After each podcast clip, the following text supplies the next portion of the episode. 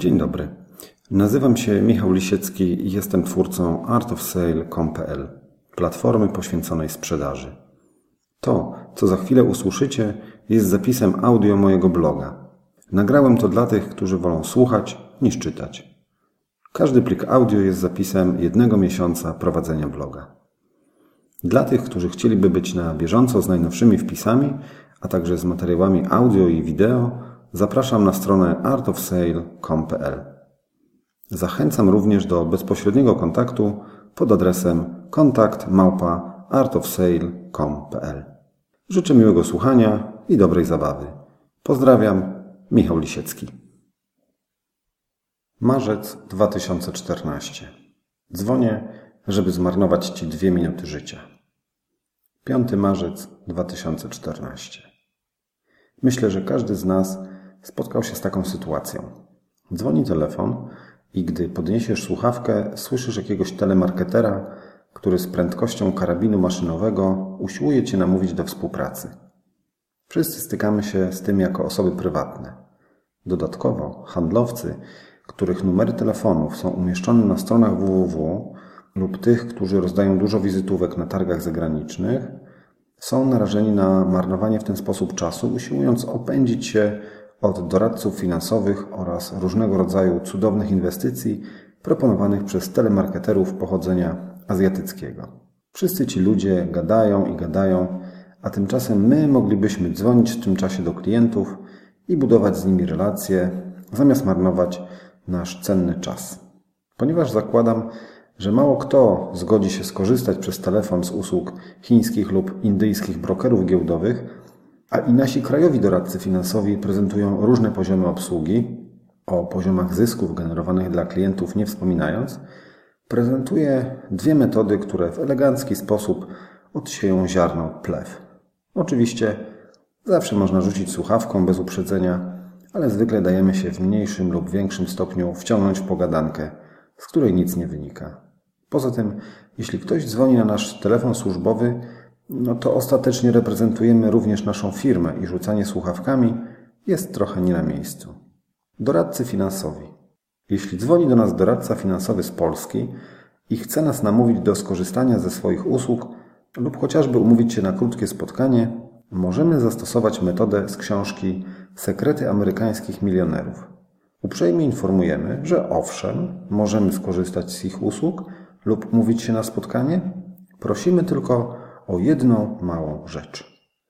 Niech najpierw wyślą nam na maila swoje pity za ostatnie 3 lata oraz zestawienie papierów wartościowych czy innych funduszy inwestycyjnych, które inwestowali również za ostatnie 3 lata, z zaznaczoną stopą zwrotu z inwestycji.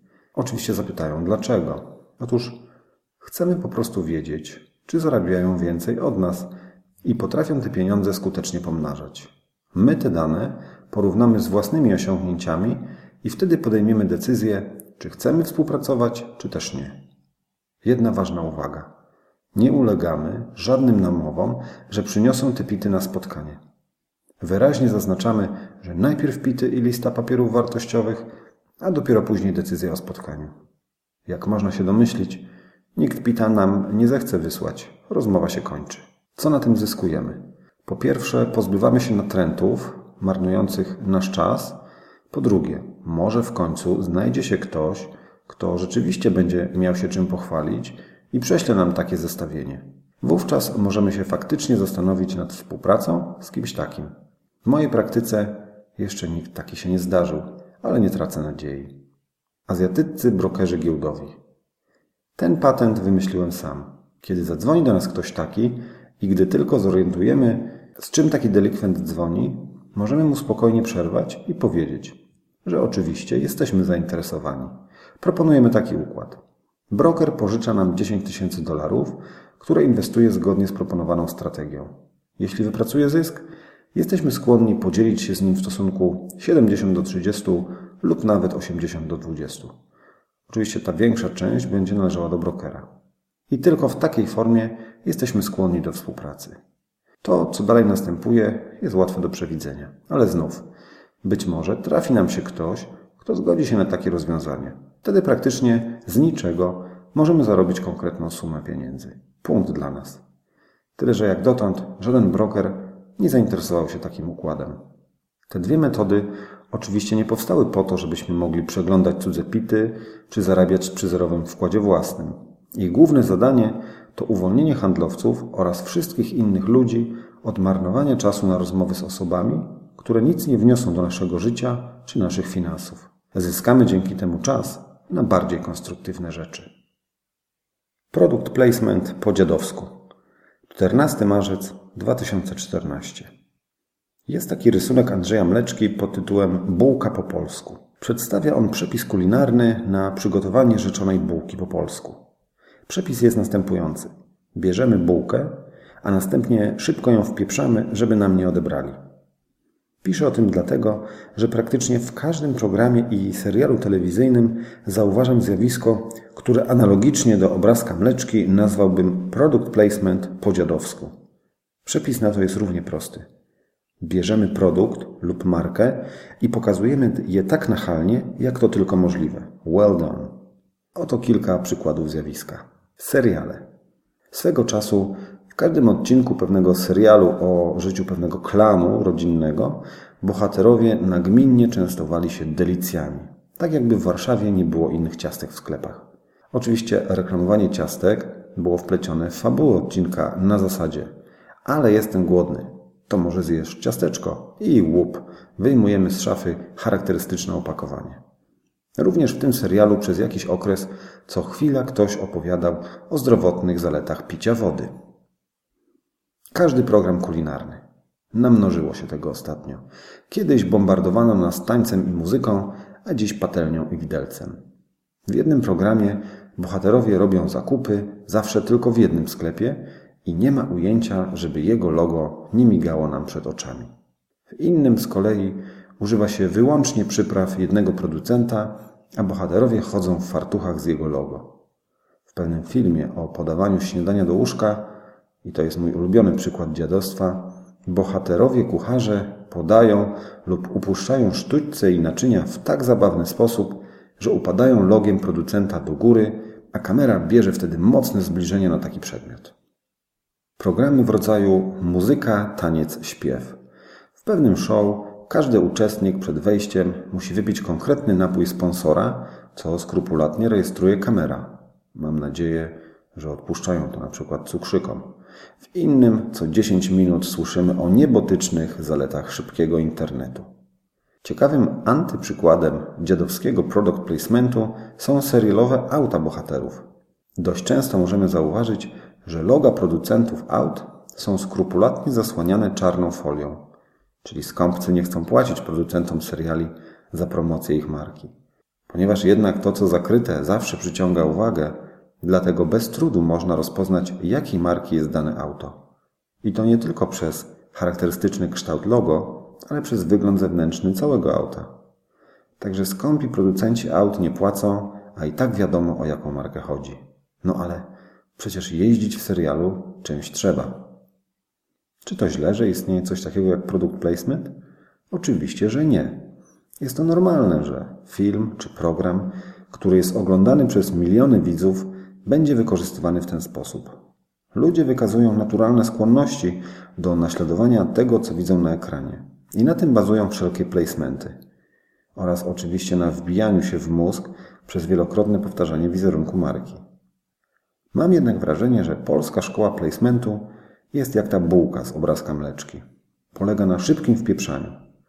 Producenci myślą, że waląc nas po oczach zielem angielskim w torebce lub ciaskiem w czekoladzie osiągają zamierzony efekt, a tymczasem mogliby osiągać dużo lepsze wyniki, gdyby robili to w sposób mniej nachalny, a bardziej naturalny.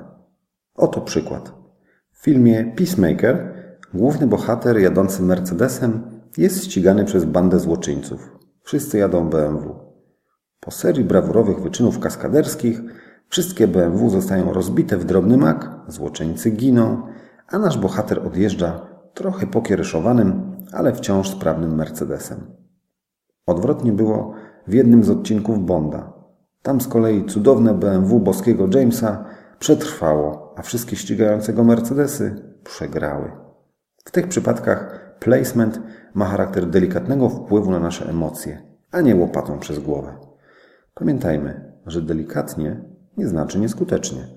Jeśli jako handlowcy będziemy mieli kiedyś możliwość sprzedania produktów lub zaprezentowania marki na zasadzie placementu, niekoniecznie w serialu czy filmie, ale nawet na konferencji, seminarium czy w jakiejkolwiek innej formie, to nie róbmy tego na zasadzie bułka po polsku.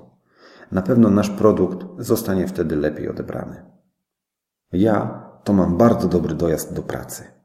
27 marzec 2014. Zapewne wielu z nas zna kultową scenę z filmu Co mi zrobisz, jak mnie złapiesz, w której dwóch chłoporobotników rozmawia o codziennym dojeździe do pracy. Główny bohater tej sceny opowiada, jak to je śniadanie na kolację i kładzie się do łóżka w ubraniu, bo nie opłaca mu się rozbierać po śniadaniu. Zaś jego droga do pracy przypomina co najmniej przygody Odyseusza zmierzającego do Itaki. Wielu handlowców i w ogóle wszystkich ludzi gdzieś pracujących ma podobny problem.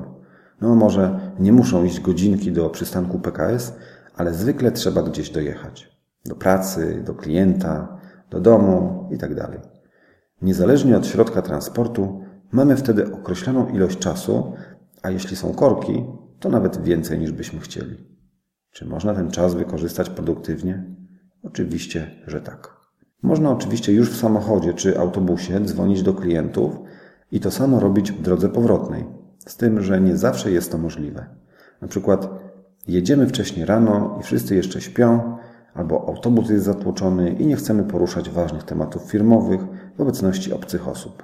Proponuję coś innego. Każdy może słuchać audiobooków.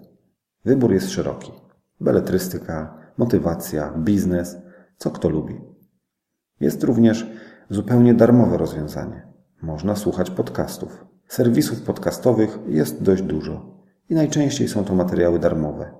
Ja na przykład lubię słuchać podcastów biznesowych i trochę mi ich brakuje w polskim internecie. Dlatego poradziłem sobie w inny sposób.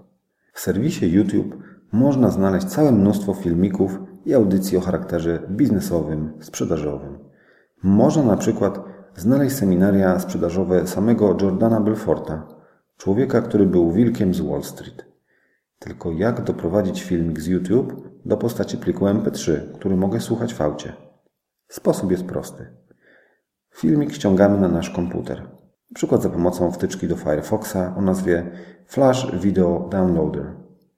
Otrzymamy na dysku plik w formacie MP4. Następnie przy użyciu darmowego programu, np.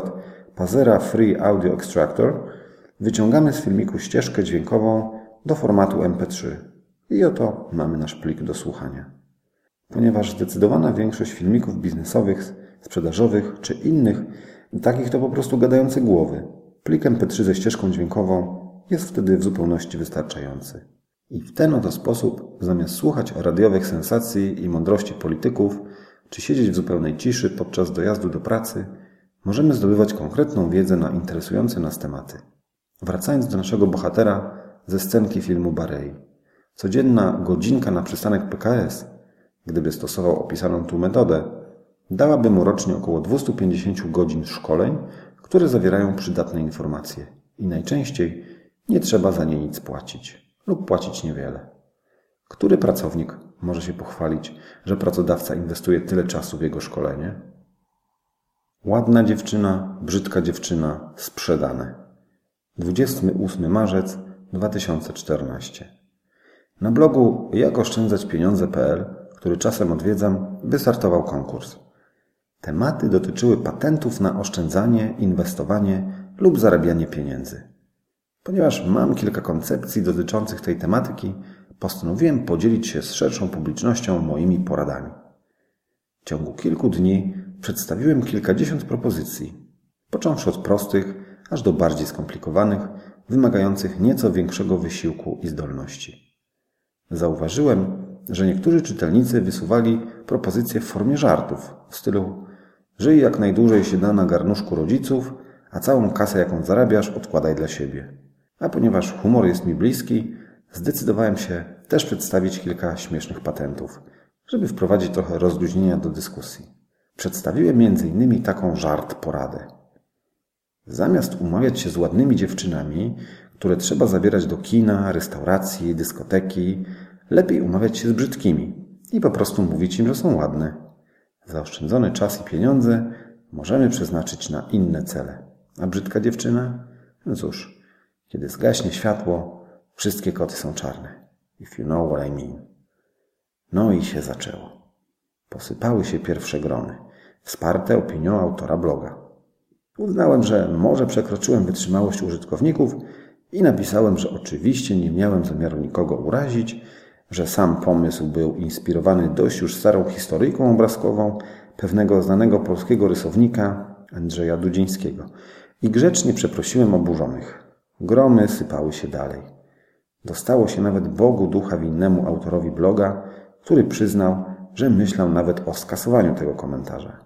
Ktoś stwierdził nawet, że zastanawia się, czy kobiety powinny brać udział w takim konkursie, skoro dopuszcza się tego rodzaju pomysły. Fala hejtu zaczynała wzbierać.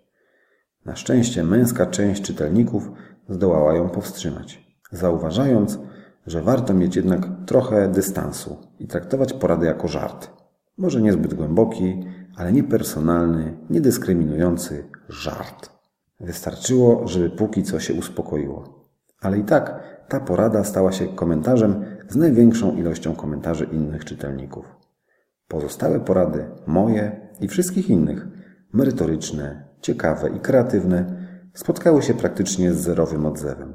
Tylko ta jedna, traktująca w sumie o dupie Maryny, wywołała dłuższą dyskusję. Przypomniała mi się pewna audycja w radiu Kontestacja, której prowadzący stwierdził podczas rozmowy z gościem, że nikt nie dzwoni. Ale tak to już jest, że im wyższy jest poziom merytoryczny dyskusji, tym mniej telefonów. Oczywiście zacząłem się zastanawiać, czy tą sytuację z moim komentarzem można odnieść do sytuacji sprzedażowej i doszedłem do wniosku, że jak najbardziej. Możemy klienta merytorycznie całkowicie zaspokoić podczas prezentacji, ale najczęściej klienci nie są specjalistami od naszego produktu, więc poczują się trochę nieswojo, jeśli zasypiemy ich twardymi danymi. Jeśli jednak zdołamy podczas prezentacji wzbudzić w nich emocje, jak mój komentarz o umawianiu się z brzydkimi dziewczynami, wówczas klient włączy się aktywnie do rozmowy i stanie się integralną częścią procesu sprzedaży, a nie jego biernym obserwatorem. Zatem wzbudzajmy emocje w klientach. Dzięki temu zaangażujemy ich w proces. Pamiętajmy jednak, żeby żarty z urody kobiet odłożyć sobie na męskie spotkania. Z drugiej jednak strony, jak sam doświadczyłem, nic nie wzbudza takich emocji jak przysłowiowa dupa maryny. Dobry slogan to jest to. 30 marzec 2014. Piękna pogoda zachęca do wycieczek rowerowych. Tocząc się na moim bicyklu obok wielkiej fabryki, na razie nie ujawnię, co tam się produkuje, to powiem za chwilę, zauważyłem nad drzwiami wejściowymi hasło. Każdy koniec jest nowym początkiem. Co prawda, odnosił się on chyba do zakończonej niedawno rozbudowy fabryki, bądź też miał coś wspólnego z procesem rekrutacji, ale tak czy inaczej uznałem, że to hasło genialnie wprost nadawałoby się jako slogan reklamowy podstawowego produktu tego przedsiębiorstwa. A tym produktem są papierosy. Oczami wyobraźni już widziałem użytkownika papierosów, który właśnie skończył palić swojego fajka. Zamyśla się na chwilę i w głowie pojawia mu się hasło. Każdy koniec jest nowym początkiem. Zagląda do paczki, a tam jeszcze jeden papieros. Wyciąga, zapala i życie toczy się dalej. Oczywiście takim hasłem można wspierać sprzedaż wielu produktów FMCG. Piwo, batony, chipsy, papier toaletowy. To tylko pierwsze z brzegu przykłady. W każdym razie ja umieściłbym taki napis na samochodach moich przedstawicieli handlowych i jestem przekonany, że zwiększyłbym sprzedaż moich produktów. Także podziękowania dla twórców owego hasła za inspirację.